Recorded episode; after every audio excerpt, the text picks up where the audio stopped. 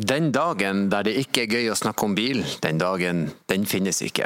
Dette er Bak rattet podkast. Jeg er fremdeles Erlend Osnes. Jeg er fremdeles i Bjørvika, og jeg er så heldig å få ha med meg min gode venn, makker og ekspert Stein Pettersen. Deilig dag i showrommet til Bertil Osten. Det er det. Det er en deilig dag. og uh, Denne praten vi har hatt nå, den, jeg ble nesten litt uh, Jeg ble litt satt ut, Stein. Ja, det er vel ikke mange som har hatt uh, så mange legemsdeler ut av ledd? Nei, jeg tror han har en rekord der. Han har også klart å bli frastjålet alt i Latvia. Ja, og han har en meget proaktiv metode å bli kvitt road rage på. Ja, så tror jeg også han har det lengste eierskapet til en bil vi har opplevd i podkasten. Dagens gjest er Ailo Gaup. Han er kjent som, eh, for å kjøre motocross, motorsykkel, FMX. Han har vunnet X Games, han har vært verdensmester. Han fant vel opp backflippen på eh, Altså en ekstremt eh, interessant og litt utenom det vanlige historien i dagens pod. Vi som alltid satte enormt stor pris på den. Det er nesten så jeg, jeg, jeg jeg sier det hver eneste gang, men vi har så mye bra gjester at det er fantastisk. Så vi storkoser oss virkelig, og vi håper dere bør gjøre det samme. Men aller først så blir det noen ord fra vår sponsor. I nye Opel Safira E-Life får du plass til en hel skoleklasse, naboene dine, kollegaer og hvem enn du vil ha med på tur. Med utrolige 59 seter, så er det den største Det er jo buss! Det er tett opp til buss! Du får plass til 59 mennesker. Nei, eh, det er fem til ni seter. Ja, det kan jo stemme. Ja. ja og så må du huske på det at den er elektrisk, og at den har en frapris på 429 900 kroner. Unnskyld? Hva da? Er den elektrisk? Den er elektrisk, ja. Nye Opel Safira E-Life med masse seter. Bestill prøvekjøring på opel.no. Den er elektrisk.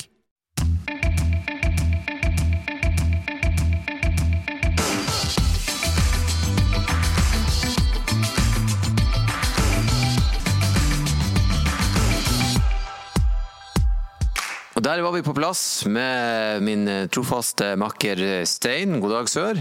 God dag, dag. Og gjesten vår, Ailo. Velkommen. Tusen takk. Går det bra? Ja, det går veldig bra. Ja, Du eh, hadde eh, eh, trafikkproblematikk allerede når du kom hit? Ja, det hadde jeg. Jeg hadde også et, jeg hadde et problem med å holde avtaler. For jeg hadde to store begivenheter nå i sånn nær framtid. Det var eh, den podkasten her, og så var det en, en første dose av vaksine. Og så husker jeg bare klokkeslettet 14.30 fredag. Eh, så det var vaksiner som jeg skulle ha tatt. Eh, det var vaksinedatoen jeg forholdt meg til når jeg skulle hit. Ja, ja.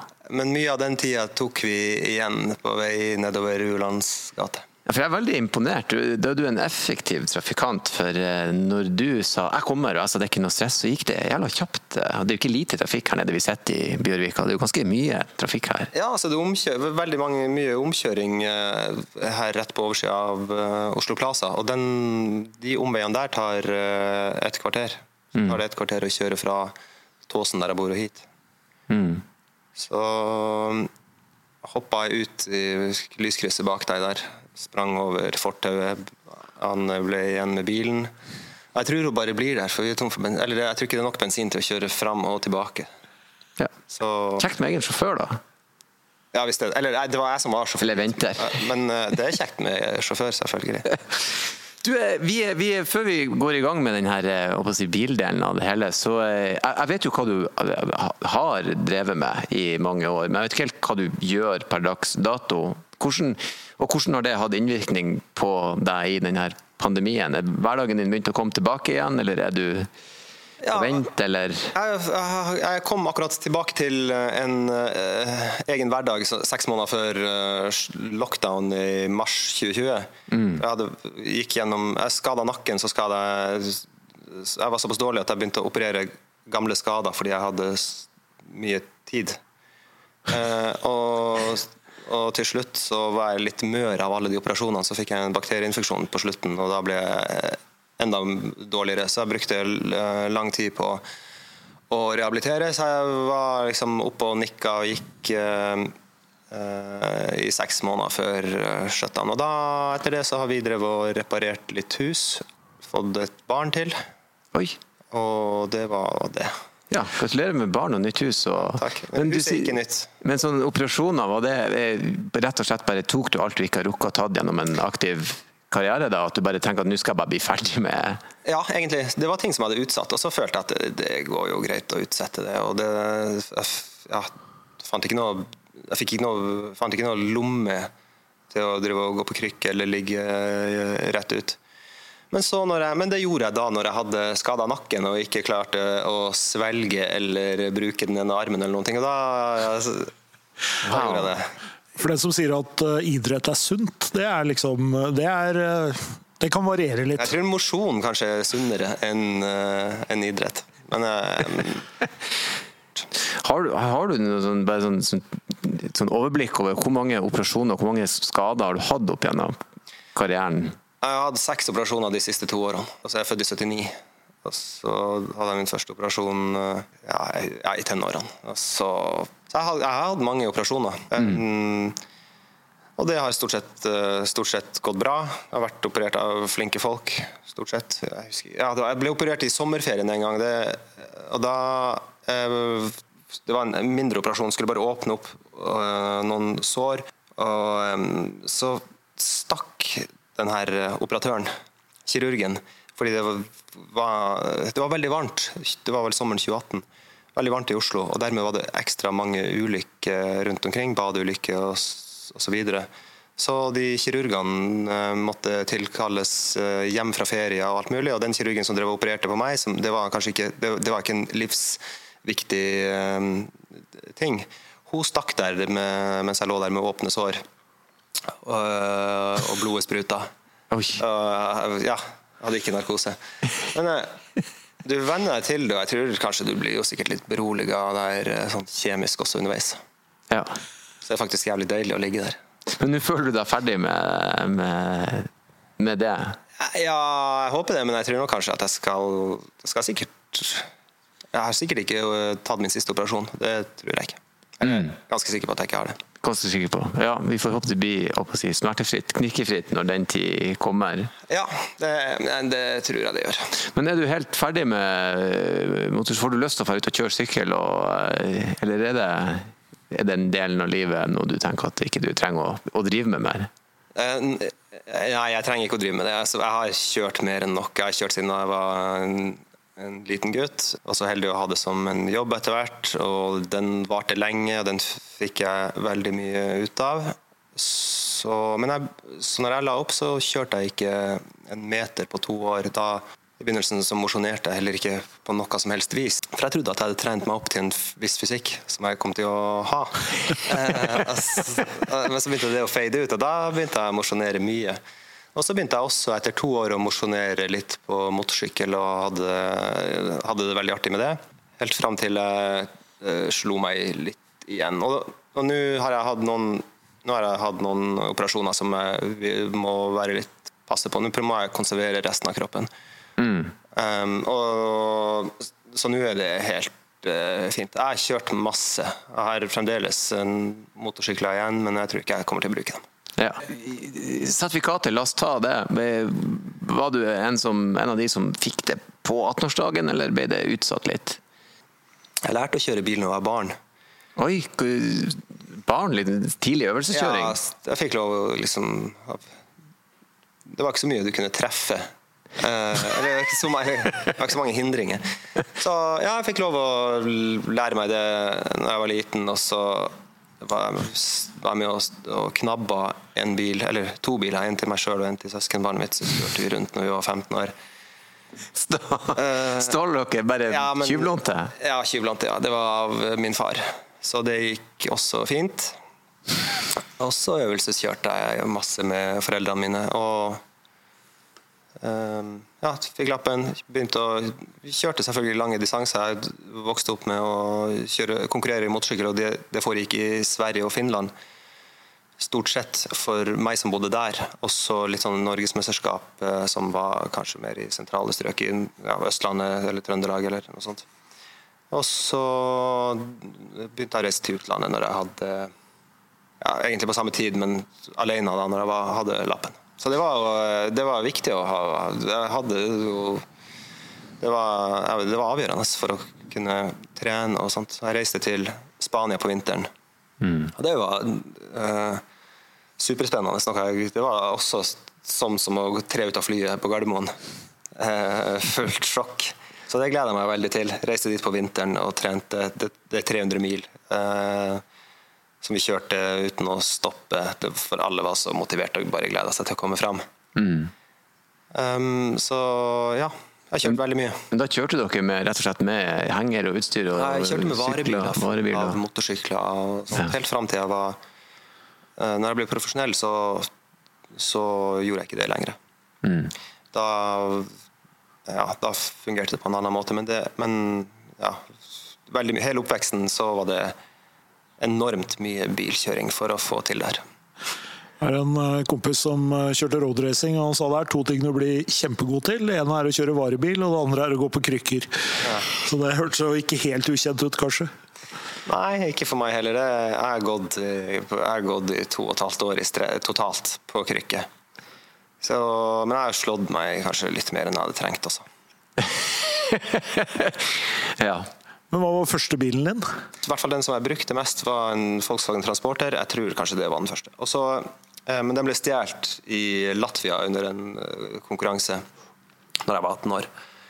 Med motorsykler og alt mulig, og det var et enormt tap, så da holdt hele karrieren min på Eller det var ikke en karriere da, men eh, det, det holdt på å stoppe seg allerede da. Men så løste det seg litt, men jeg fikk litt hjelp av noen lokale eh, forhandlere sånn, til å prøve å, satse litt videre. Og så løsna det senere. Hvor i all verden I Litauen, du? Det ble bare, Nei, Lat- Latvia. Latvia. Det ble bare stjålet hele Ja, ja, hele greia. Og det var eh, Jeg gikk ut av et, eh, det stedet jeg overnatta, et sånt lite hotell, og det var ikke en eneste bil på parkeringsplassen. Men jeg, til tross for det, det gikk ikke opp for meg. Eller det var så, det var så uvirkelig, så jeg leita likevel. Gikk rundt og titta ganske lenge før det virkelig gikk opp for meg at den er eh, faen meg borte. Og det, mest sannsynlig for alltid, og det var den. Eh, Så da var det politiavhør som tok en hel dag med eh, tolk, og det, alt det her ble, notatene ble gjort med penn, så det tok fryktelig lang tid. Det var, en, ja, det var jo en forferdelig opplevelse. For utstyret ikke- var antageligvis verre enn bilen. Hva sa du? Utstyret var det antageligvis mye verre enn bilen. Ja, det var verdt mer og, og alt mulig, og mye av det var sånne ting som ikke, som ikke var så veldig tilgjengelig uansett. Så det, det ble eh, vanskelig, men eh, det, vi kom oss litt videre.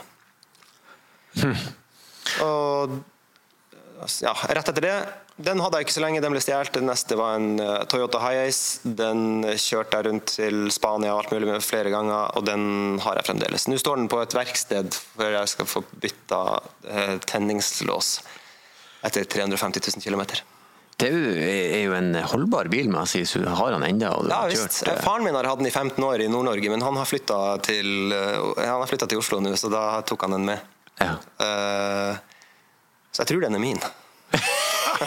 En nydelig historie. hvert fall den. Så du har, trygt å si, du har enorm erfaring innenfor langkjøring, da, i det minste, om ikke annet? Ja, jeg er jo sikker, jeg er nok bedre på det enn sånn, en presisjonskjøring. Hvor lang tid bruker man til Spania med en HS?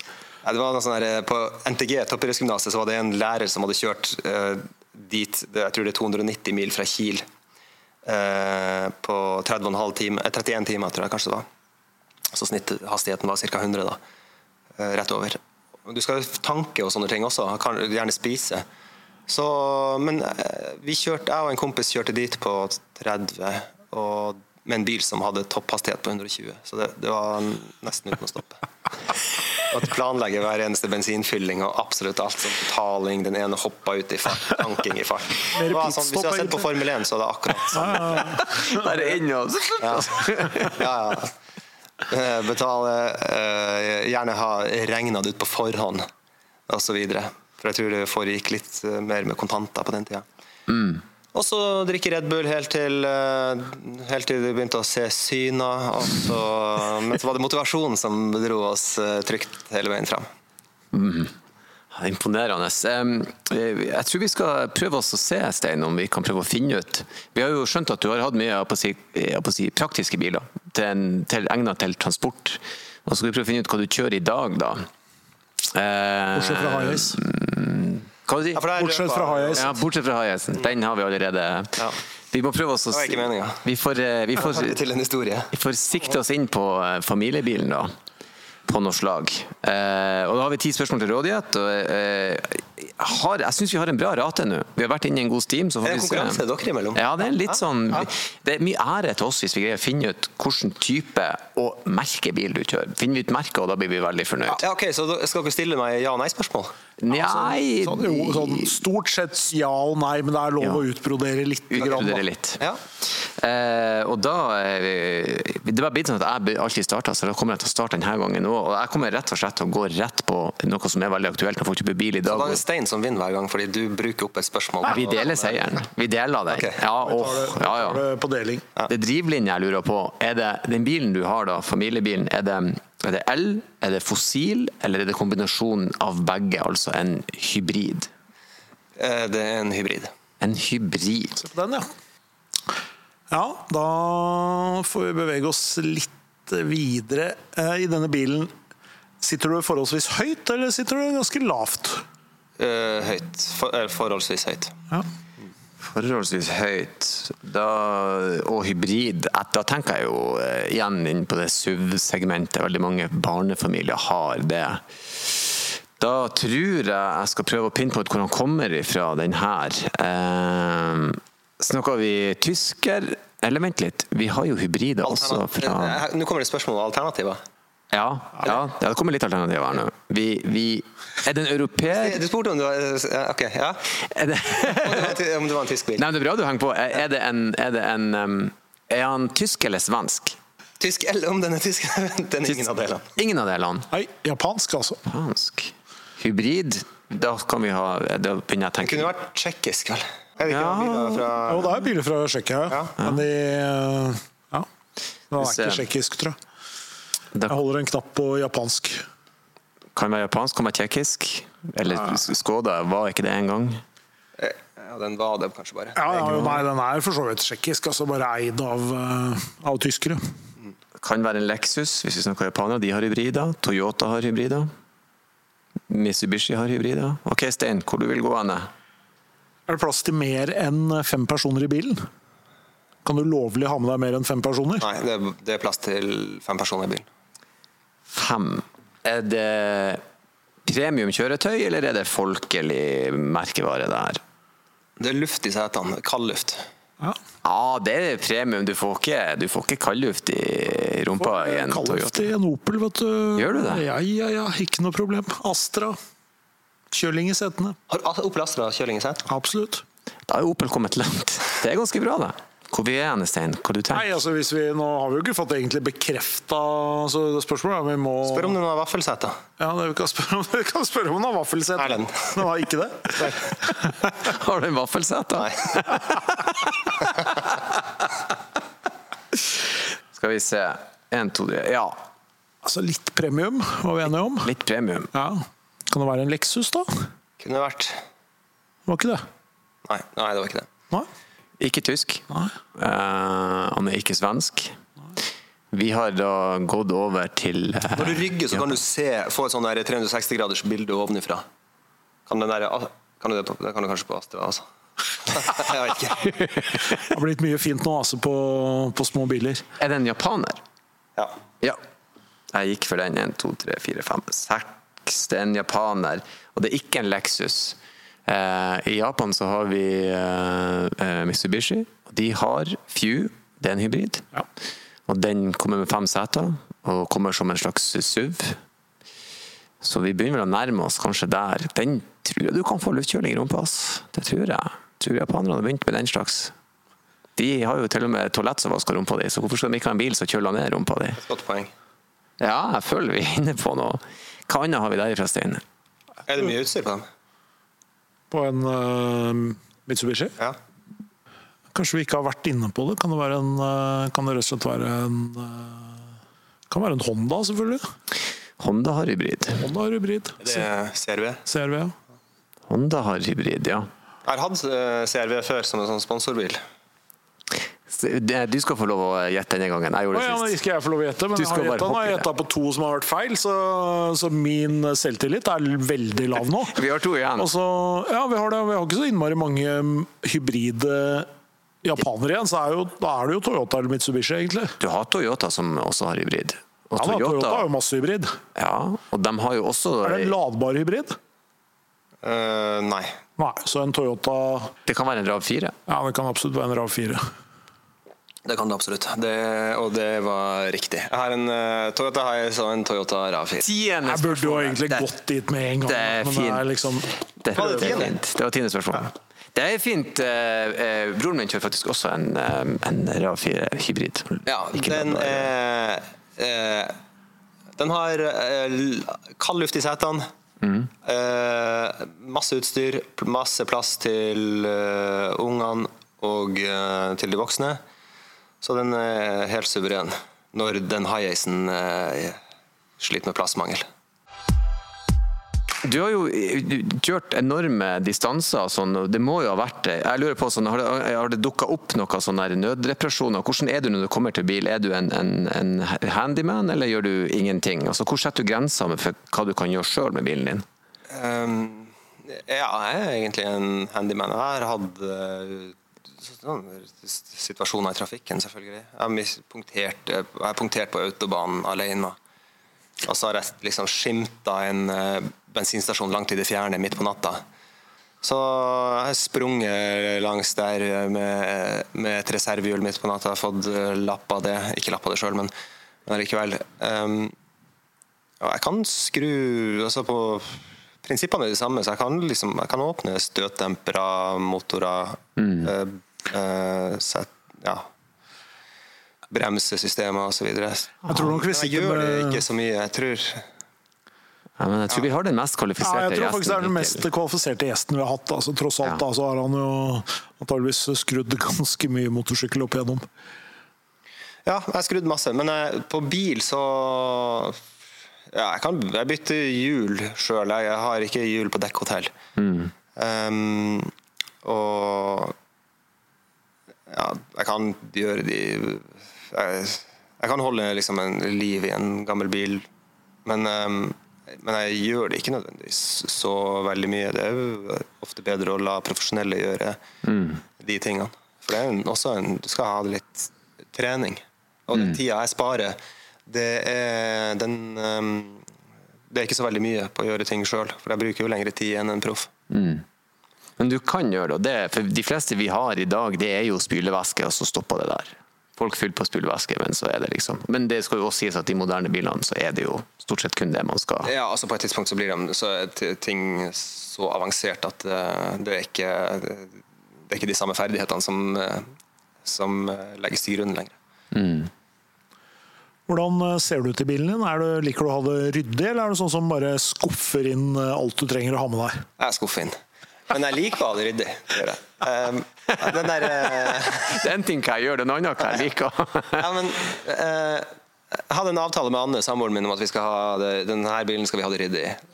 Og det, men det har røket. Det ryker for at vi blir prega av ungene som roter bak. Og så, men det er ikke sånn Det er ikke mat og sånt der, men det kan jo være litt flaske og sånt. Det er jo et godt sted å starte er jo å ta med seg søpla ut av bilen når du, når du går ut av bilen. Det, Ja, ja, det er man- veldig greit ja, utgangspunkt. Ikke gå tomhendt. Ja. Det er egentlig greit. Gå tomhendt inn eh, og ikke ut. At du får med deg Men en sånn ut, utvendig, hvor ofte eh, shiner du og polerer og fikser? Jeg kjøpte, en sånn her, eh, jeg kjøpte et sånt klippekort på den lokale bensinstasjonen, men det kortet glemte jeg igjen inn i varebilen min som står inne på et verksted nå på andre måned. Så den bilen som vi kjører med, den, den er skitten. Bærer preg av det. Ja. Jeg har ikke klippekort. Det tar litt tid å finne et sånt bra sted. ikke sant? Og akkurat nå med, med covid-situasjonen og sånn, så vet jeg ikke om de der manuelle eh, bilvaskene har operert i det hele tatt. Jeg har i hvert fall ikke frista så veldig å sitte inne på et sånt venteværelse. Ja. Og så frister det jo ikke å stå og vaske bil ute i, på vinteren heller. Det frister jo ikke å stå inne i en sånn vaskehall heller, så det, blir, det som frister mest, er å la være. Du, du, har jo tilbrakt mye tid i forbindelse med jobb og karriere i bil, men eh, har du noen sånne minner fra noen sånn bilferie eller sånt, eller drar du på bilferie sjøl, eller er du såpass lei av å kjøre at du bare eh, Ja, altså Der jeg bodde, så var det bare bilferie som eksisterte, stort sett. Mm. Um, og så var det en annen det, var jo selvfølgelig helt annerledes for eh, når jeg vokste opp enn det det er nå. Det var langt dyrere å fly. Det var mindre tilgjengelig. Så vi kjørte til besteforeldrene mine i Mo i Rana stort sett. Det var sommerferien, og det tok jo to dager å komme seg dit. Vi var der, Foreldrene mine hadde så, Faren min var rektor og mora mi er forfatter, så de hadde vi, var, vi hadde tid, muligheten til å være der hele sommeren, og det var um, ja, det var sånn som vi var inne på. Det var som å komme til Syden, sånn som det å komme til uh, Bjørvika her.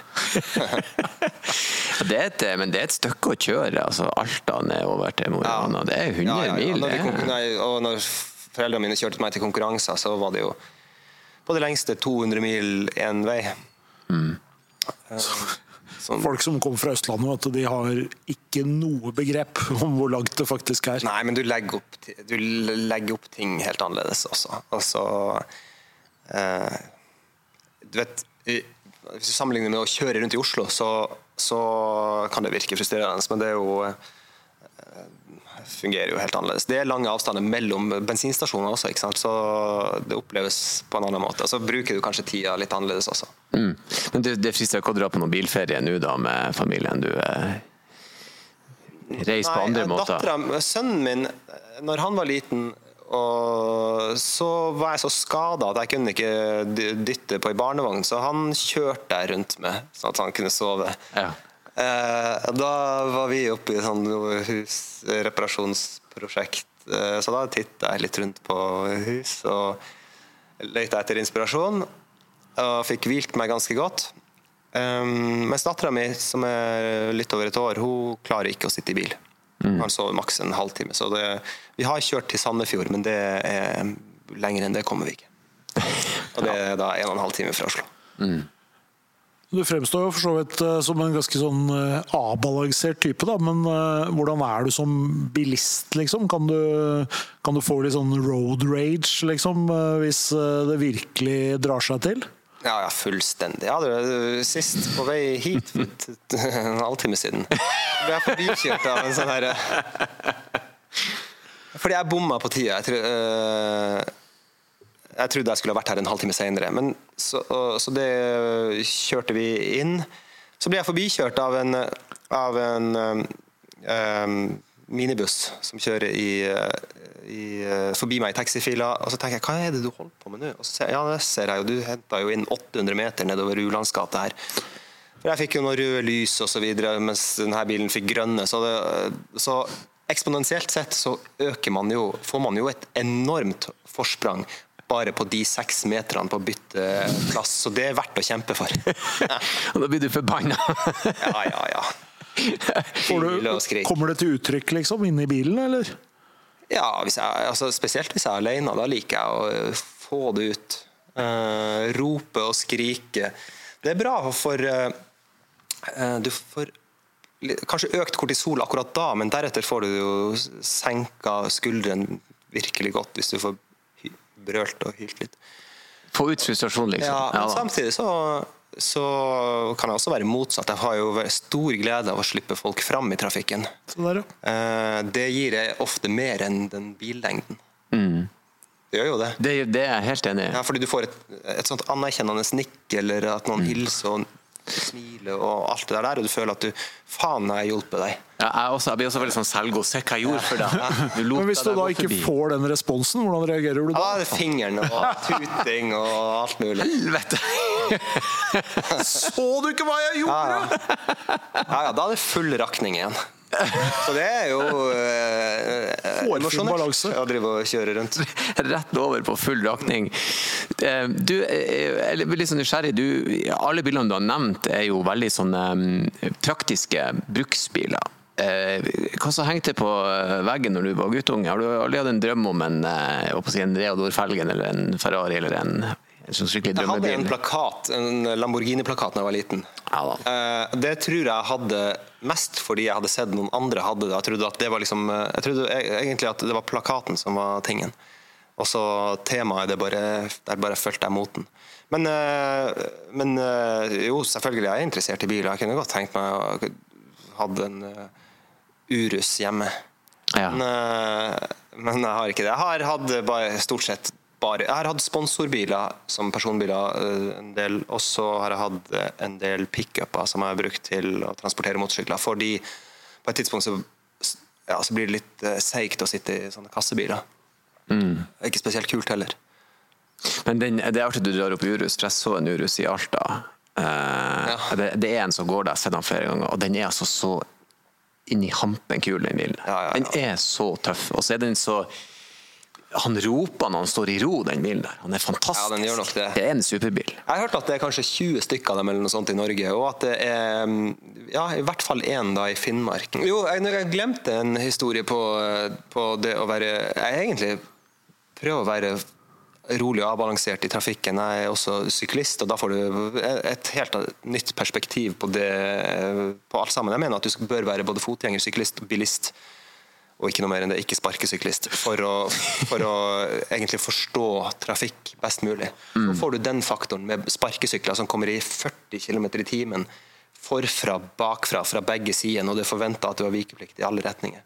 Så kommer det elsykler, sånne, eh, sånne eh, trekkspilledda elsykler med plass til fire personer, som forventer at du skal se, skjønne at når de passerer deg bortover veien, at de plutselig skal bruke fotgjengerovergangen Ja. i neste øyeblikk, uten å gi tegn, uten noe eh, signal i det hele tatt. Så det Jeg syns bilkjøring eh, faen meg aldri har vært vanskeligere enn nå med, med de tingene der. Ja, du har et, Kan ikke folk bare sykle? Jeg skjønner at folk som skal transportere barn og sånne ting, at det er veldig kjekt, men, men sånn eh, bare på gjørs suse rundt på de der elsparkesyklene. Og de der som kommer og henter dem, det er jo varebiler som dundrer rundt der jeg bor, i full fetting. Her en dag så spurte jeg altså, spurte, kan ikke du kjøre litt saktere, det er unger som leker her. Så, jeg, ja, men hvor? Så sa jeg kanskje ikke akkurat nå, men det kan være det. Ja, men jeg så ingen. Ja, men neste gang så ser du dem, kanskje og det er ikke sikkert at du rekker å bremse. Jo, men jeg rekker å bremse. Og så videre. Så det fører med seg det er ikke en miljøbesparelse at 13-åringer durer rundt på de syklene. Men det var ikke det jeg skulle fortelle. Jeg skulle fortelle om uh, road rage. uh, mitt hissigste øyeblikk i trafikken, da var det en som ikke ville slippe meg fram i et kryss inn i Vaterlandtunnelen, eller kan det hete Operatunnelen, der oppe bak, bak oss. Så jeg tuta først litt forsiktig. Jeg skulle på flyplassen, jeg skulle til en konkurranse. Han, så ser jeg at han ser i speilet, og det her er en, uh, en tøffing med uh, bakoverlent sete, gullkjede og en, eh, en eller annen BMW. Dette er sikkert 15 år siden. Han ser rolig i speilet og smiler og står der stille. Jeg har blinklysene på og viser hvor jeg skal. Og så blir jeg så lei til slutt, for jeg holder på å miste Jeg er for sent ute til det flyet. Så jeg tar ned ruta og skal kaste en kaffekopp. Så hadde jeg en så jævlig løs skulder. Idet jeg kasta den kaffekoppen, så dro jeg hele skuldra ut av ledd. Og den måtte jeg få på plass fort, fordi hvis den henger der, så gjør du jævla mye mer skade enn ved å få den på plass fort. Så jeg hoppa ut, og så tenkte jeg faen, idet jeg står der klokka fire på dagen, det trafikk i alle retninger, så tenkte jeg fy faen, nå kommer han og banker meg opp, og jeg står der og bare henger med den armen, henger over bilen. Så får jeg en kar bak meg i en, eh, en premium og vel så det SUV i dress til å komme og klatre opp på planet på pickupen min og dra meg i armen så jeg kunne brekke skuldra på plass over kanten der. Mens dattera satt i passasjersetet og grein, og alle andre tuta, og penger, lommebøker, eh, mobiltelefoner, alt lå strødd rundt der. Og når jeg til slutt hadde fått det her, den på plass, så begynte jeg å samle sammen tingene mine, og det tuta faen meg i 360 grader rundt meg. Men jeg eh, rakk flyet med et nødskrik, så det var verdt det. Tutinga og kaffen og alt. Du må få det ut der og da. og Du må kanalisere din frustrasjon i riktig retning, istedenfor å sitte og, og, og, sitte og brenne inne med det. og Til slutt så, så eksploderer du eh, på feil sted til feil tid, og det er viktig å prøve å unngå sånt. Så få ut frustrasjonen din. og Hvis det, hvis, du, hvis det er trafikken som frustrerer deg mest, så få det ut. Satan. Mindfulness by Ailo. Satan for en, eh, for en eh, mann du er. Du bare- vippa skuldra inn igjen. Jeg, har òg gjort det, og jeg kan ikke bare Jeg var ferdig for dagen da. Da for ikke jeg noen plass etter Nei, det. men det hadde gjort det eh, På det tidspunktet så hadde jeg gjort det to eller tre ganger før. Og den første gangen gjorde jeg det, da var jeg alene, det var ti minus, jeg var alene i skogen. Og da, da tok det kanskje ti minutter eller noe sånt uh, før jeg fikk den på plass. Da visste jeg hvordan man skulle Eller jeg visste det i prinsippet, for jeg hadde dratt tommelen en, på plass for en kompis, og så hadde jeg jo gjort det med Så hadde jeg sett en lege som dro min ankel på plass. Så jeg visste at du skal eh, Jeg visste at du skal Pasienten må, må være avslappa. Ja, det burde han. Og den som skal hjelpe deg, må prøve å få spredd leddet uten at det gjør vondt der du klemmer eller drar, for du skal ikke spenne muskulaturen. og Det er veldig vanskelig med en ankel, og det er veldig vanskelig med en, svett, en tommel på, på en fyr som sitter og hyler. Det kjennes ut som en sånn svett kyllingvinge som renner fritert fett ut av. Det er jævlig ekkelt. Men så jeg hadde teknikken, og det er å spre leddet, og så prøve å få en god spredning før du forsiktig dytter det på plass. For at bruker du for mye makt, så, bare, så knuser du ting på vei opp igjen. Brusk og uh, ja, spesielt det, da. Det er, jeg er helt urelatert. Når jeg slo skuldra mi ut av ledd, så, så Jeg skjønte hun var ute, for at skuldra lå her nede. Det så ut som en sånn pupp. Ja. Men når jeg skulle bare holde henne sånn, for jeg ble jo livredd, så spratt hun inn av seg sjøl. Og det var ondere enn selve Ja. separeringa. Det var verre når hun klunka inn igjen. Da trodde jeg faen meg skulle Det svime av. men det er også en lettelse når du får en sånn kroppsdel tilbake. Og, Det, det er det. og da, da tror jeg at eh, Da senker man garden eh, sånn at eh, adrenalinproduksjonen går ned. Ah. Du er liksom litt mer i mål. Eh, og, og da eh, Så da overstyrer jo smertesignalene adrenalinproduksjonen. Jeg, jeg fikk, jeg fikk eh, sånn, eh, sånn morfin hos skipatruljen, og så jeg hadde det veldig greit. må jeg si. Det, det var en lettelse når de kom.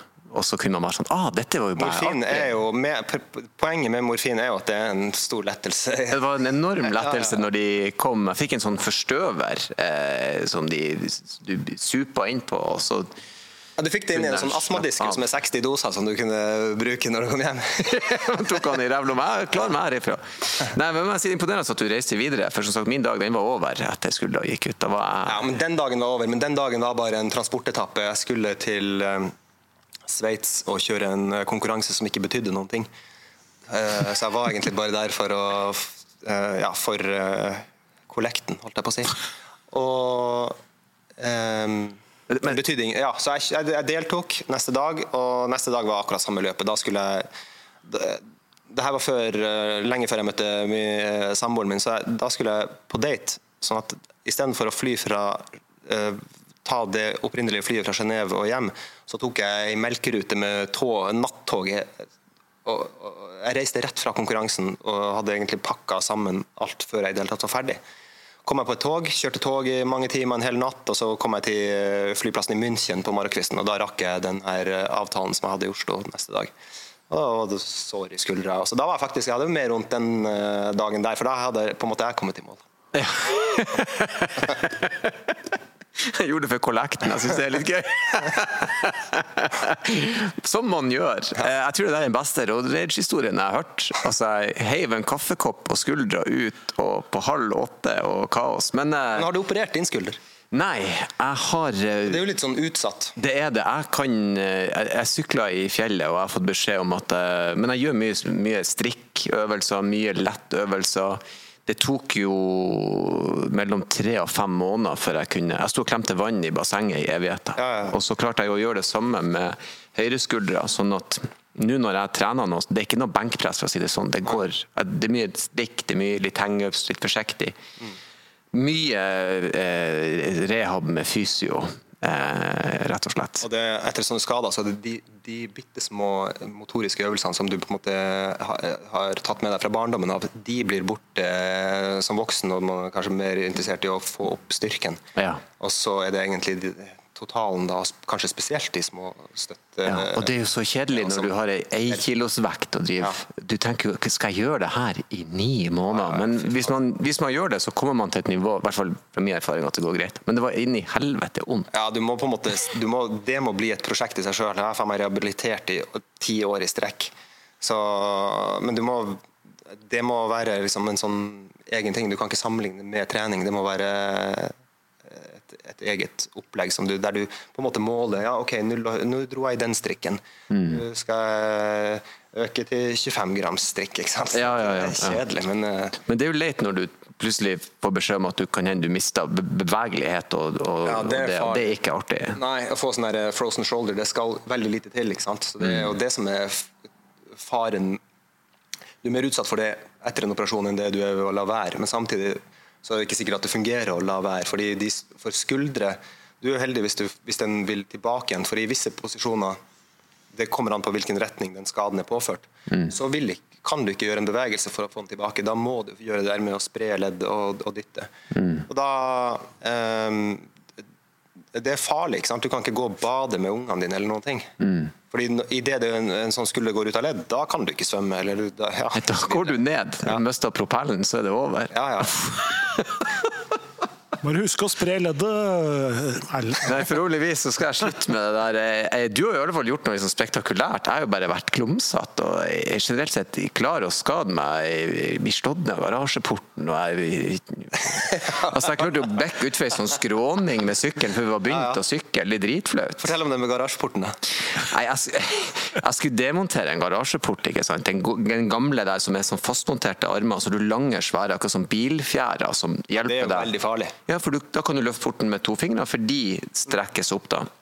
Og så skulle jeg skru den løs, da, så det var, hadde han spent opp, altså uten spenn i fjærene. Så tenkte jeg det er så tungvint å jobbe opp, så jeg satte han jo bare ned, og da er jo de i spenn. Så jeg fjerna alle boltene, og så stilte jeg meg attmed fjæra og skyva av porten, og da kom jo den armen i ei helvetes fart. Klappa meg jo rett ned. Jeg hadde heldigvis på meg sånn Bose headset som stoppa den. Hvis ikke han jo delt nepa stoppa mi. Ja. Så, men jeg, jeg, jeg skyver bare porten, og så er jo alt svart. Og, og når jeg våkna til meg sjøl, så liksom det var jo våt i fjeset, og alt var blod. Så jeg, jeg bare ropte forsiktig til kona mi altså, du må ringe du må ringe noen. Og hun så meg, så hun gikk jo fullstendig i Og sønnen min, han, han, han, en komiker, en venn av meg, Kevin Kildahl, kom, han måtte spyle oppkjørselen. Det- Hodet blør jo veldig mye. Det ser mer verre ut enn det er. Nå måtte jeg si elleve sting, da, men det var ganske åpent. Og, eh, og det var også til til alt overmål fem dager før jeg skulle ha filmshowet mitt av familiære årsaker. Så, og jeg huska jo ikke noe av dagen, og jeg klarte ikke å smøre på ei brødskive. Jeg forsto ikke det var for Jeg kommer på kjøkkenet, jeg leter frem brød og smør, og så forstår jeg ikke hva jeg skal gjøre for å få ei brødskive. Jeg ser for meg skiva, jeg skjønner ikke at Du hadde mista korttids... eh, Det forklarer så mye, Det forklarer mye. Det forklarer så mye. Ja, da, alt var borte, men det kom tilbake, og jeg hadde showet. Jeg huska hvert et ord og hver en vits, men det var Management har gitt meg sånn? Var det så ille? ja, og- men management har gitt meg sånn Jeg får ikke lov å kjøre motorsykkel eller dra på offroaden eller gjøre noe når vi begynner å nærme oss turné og innspilling. Det har de sagt at da gir du faen. Du kan få jogg, men du gjør ikke noe annet. Gå sakte over gulvet. Gå sakte, eller? Men, eh, Ble du så borte? helt jævlig. Og eh, kona mi var, hun tenkte sånn Nå er han ødelagt for resten av vår tid. Men det, de der, eh, det har skjedd mange ulykker med sånne gammeldagse garasjeporter med de fjærene. Det er livsfarlig. Ja. Altså, folk har jo fått dem i øyet. Ja, ja, ja, og folk har omkommet av det òg, men eh, jeg har jo, jeg har jo Jeg tror vel jeg har en sju-åtte hjernerystelser eller noe sånt i det lange løp. Og du er aktiv og Ja, skal ja, gjøre men det er fordelt på et langt liv. Ja, herregud. Jeg blir sikkert å sitte og smile på mine eldre dager uansett. Men eh, ja. Vi, eh, vi, eh, vi har en sånn eh, Og her er litt sånn interessant, jeg tror kanskje du allerede har svart på det. Vi har en spalte der du, der du Du kommer hjem nå. Og, og, og samboeren din har tatt ungene og stukket. Hun gidder ikke mer. Eh, og du blir helt alene i verden. Hvilken bil går du til innkjøp av for å gjøre deg glad, sånn at det skal gi deg litt glede, og for å gjøre deg litt tilgjengelig på markedet? Og, og penger er ingen option her, for i samme øye med det her så klapper du inn eh, 900 millioner i eurojackpot. Oh, ja. Så du har alle midlene du vil. Hva gjør deg lykkelig og tilgjengelig på markedet igjen? Dette er en problemstilling som jeg har eh, tenk, tatt opp eh, hver fredag eh, når jeg lader opp til Eurojackpot. Ikke det med at, at andre og ungene blir borte, men, men selve premien. Men eh, ja, la oss se det for oss, da. At jeg kommer hjem Jeg, jeg hadde jo Så hun, dem forsvinner jeg vinner, og de forsvinner. Hadde Det hørtes så fælt ut når du sa det sånn. Det her Ja. skjer samtidig, cirka. Sånn at jeg, Ja da, ja da. Sånn at jeg har, plutselig så har jeg fått en megapremie. Hvilken bil jeg hadde kjøpt? Jeg hadde ikke kjøpt bare én bil, jeg hadde kjøpt mange. Jeg hadde kjøpt eh, den Urusen. Jeg, hadde kjøpt, jeg hadde helt sikkert kjøpt den, eh, den råeste gelendervagen man kan finne. Ja. Uh, gjerne en sånn der eh, Sånn som de guttene i Dubai kjører rundt i. Ja. Seks hjul. Ja, men ikke noe som skal Det, skal, helst ikke sånn at det trenger ikke å synes, men det må måte Man kan forstå det. Ta det opp i universiteten hvis man har peiling. Og så eh, det Og så kunne jeg godt hatt en sånn EQC 400 bare for å være litt eh, nøktern til hverdags. Ja, flotte seg litt til hver. Da er du miljøbevisst i hverdagene, og så er det gelendevagen i helgene. og- Ja, sånn Ja. Til barnehagen så hadde jeg kjørt en Eller dit skulle jeg visst ikke, nei. Altså, det hadde jeg også sikkert en fordrapt hadde jeg nok uh... Og de er også tøffe, da. Ja, de er tøffe, men de er, de, de er, de er litt store. Og det, da mener jeg ikke den der øh, europeiske. Den, det skulle vært den amerikanske. Mm. Jeg hadde også kjøpt en øh, Porsche Singer. De koster er, jo uh... nå snakker vi. Ja, da snakker vi 18 millioner, så jævla mye av den premien øh, Hva er det slags eh, Da må dere utdype den Den, er jo Porsche. den ser jo ut som en klassisk 911. da. Den er helt moderne. Alt er moderne. den er motor, alt. Så det er uh... Ja, altså den, det, er som å kjøre en, altså det er som å kjøre en ny Porsche uh, i komfort. For de bygger dem vel opp med, med veldig mye nye deler. ikke sant? ja, ja. Og så er det en finish som er bare Altså, Gå og se på Instagram. Det er en finish som du ikke finner på nesten noe annet. Ja, de er, altså det er så next level. Og, og så er det litt artig med dem at eh, hvis du ikke har peiling, så ser den bare ut som en velholdt veteranbil. Men det liker jeg, litt sånn sleeper cars, det liker jeg når det ser ut som det er noe, og så er det noe sånn helt sykt betalt. Apropos gelendervagen, den, den, det er jo en latterlig rå bil, og den kuleste gelendervagen jeg har kjørt i var faktisk i Alta, alle plasser. Vi hadde en som kjørte oss Og der du så den. Urusen også. Ja, faktisk, jeg har sett ja, det- mye i Alta. Ja, det der opp, og det var derfor jeg måtte ha lappen eh, på 18-årsdagen. Men han, det som var så gøy med det, det var jo en sånn her V8 biturbo-sak. Ja. Og det er jo en svær, kantete kloss, men han beveger seg som ei pil. Det, det er noe i noen, med den lyden og den krafta Ja, ja, ja, som gjør at du blir veldig altså, jeg, jeg blir veldig glad. Jeg blir sånn Dette er faen meg rått, altså. de, jo, de har jo litt fjæringsvei, og så er de nokså kort. Så når du gasser på med dem bortover motorveien, så er det jo faen meg som å stay, kjøre på bakhjulet på motorsykkel. ja, de er veldig fine. Og det er også en sånn bil som ikke Den, eh, den er Den skiller seg ikke så voldsomt ut, men den er helt sin psycho. Det er ikke som en sånn vingedørsbil som uh, Nei, det er det ikke. Jeg er enig. Det er en rå bil, men det er ikke sånn at jeg tror det er mest kanskje for nerdene som ser det emblemet biturbo, som skjønner at her snakker vi om noe litt annet, noe spesielt. Noe. Ja. Du, eh, før, du, eh, før du får lov å ferdig fra så har jo, vi bruker jo skiltet skilte med at vi har veldig mye ekspertise her i podkasten og kan bidra med bilrelaterte spørsmål. og Jeg bidrar med mitt, og Stein bidrar jo med det meste. Det, han vet det meste. Så hvis du har et eller annet slags dilemma eller spørsmål eller noe du ønsker å diskutere eller få hjelp til, så er dette et bra tidspunkt. Ja, sånn, ja. Ja Nå begynte jeg å se for meg de her uh, tingene, og det er vel eh, kun Eurojackpot som kan løse det. Da må jeg finne et annet, en annen problemstilling. Ja, fy faen, det er kjipt å komme tilbake til virkeligheten. Ja.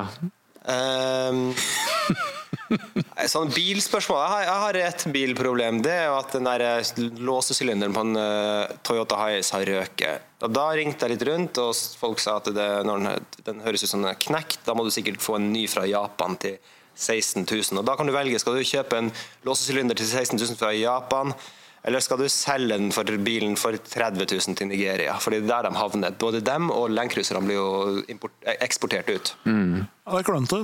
Ja, det er det er vanskelig å få tak i brukte deler òg. ja. Ja, ja, ja. Det, ja, det er jo helt håpløst. De, eh, ligger ute på Finn, det er jo fryktelig dyrt. Eh, Så det var et problem. Da ringte jeg en eh, bekjent eh, som jobba i som um, mellomleder i Tveita-gjengen. Og så Der kom vi nesten i mål. Men, men eh, siste, siste nytt der, det at eh, Og jeg trenger den varebilen, for jeg driver og reparerer et hus, som jeg, vi snakka litt om. Og eh, det at de har prøvd tre forskjellige sånne låsesylindere som er bestilt. Ingen passer.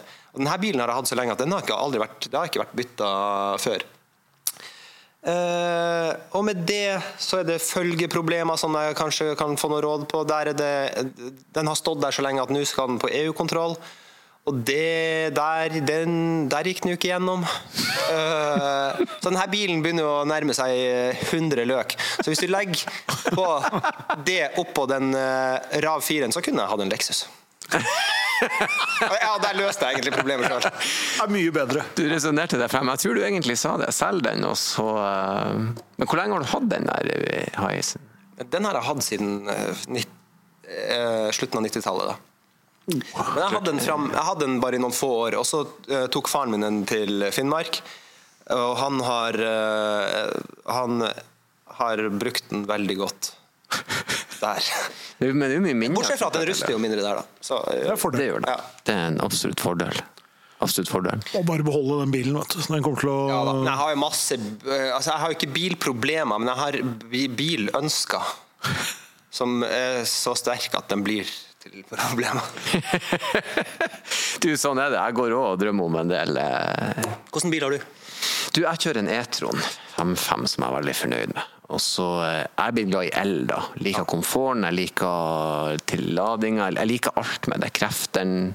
Men jeg liker motorlyden, men til det har jeg en motorsykkel. Ja, ja. Der får jeg lukt og lyd og følelse. Noen ting som rister, det beveger seg litt. Og med el så har det også blitt litt mer uh, altså, Det har blitt litt mer uh, litt mer akseptert å bruke bil som statussymbol igjen, for det er sånn miljøstatussymbol i tillegg. Bare bra. Uh, men, og nå med alle de her nye billanseringene, så har jeg sett at folk legger ut bilder på uh, sosiale medier.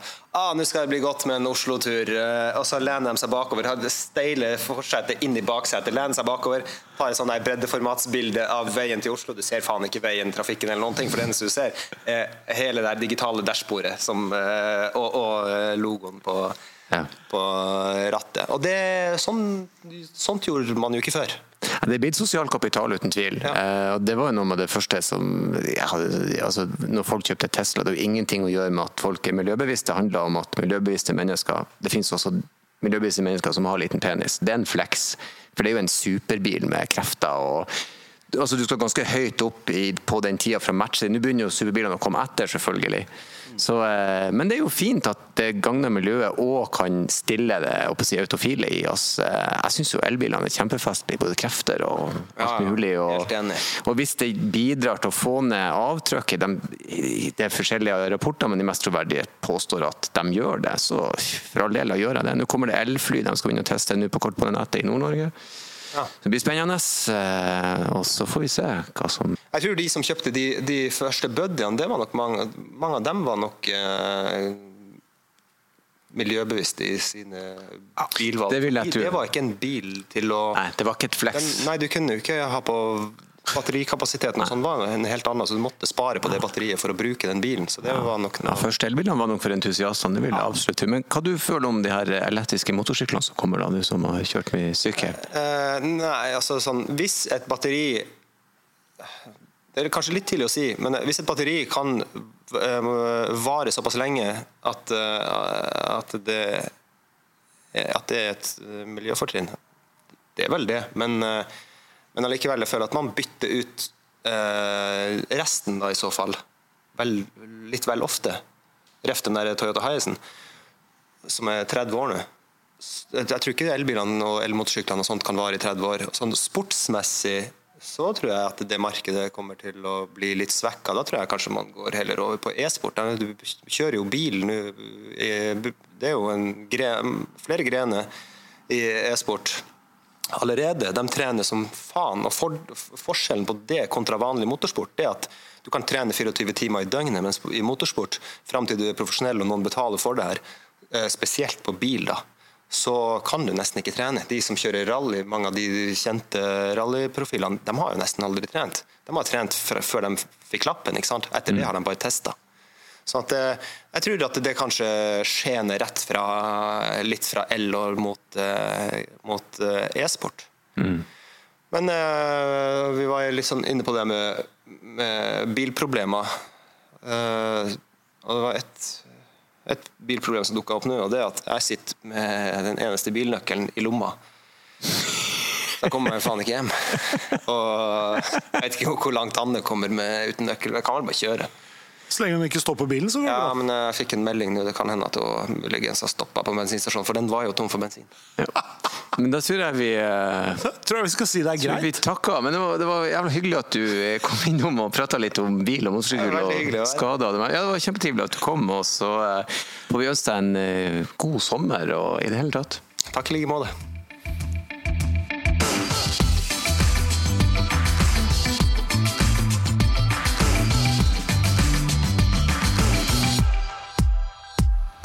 Hei, folkens. Eh, Jeg hoppa inn på slutten som jeg bruker å gjøre, og minner om at dersom dere har spørsmål, historier eller noe dere vil dele med oss, gjester dere vil vi skal invitere, så kom med de. Send en e-post til bakrattet.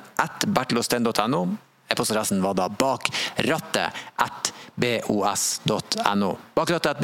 folkens. Ikke nøl, gjør det. Og som alltid, si det igjen, kjør forsiktig.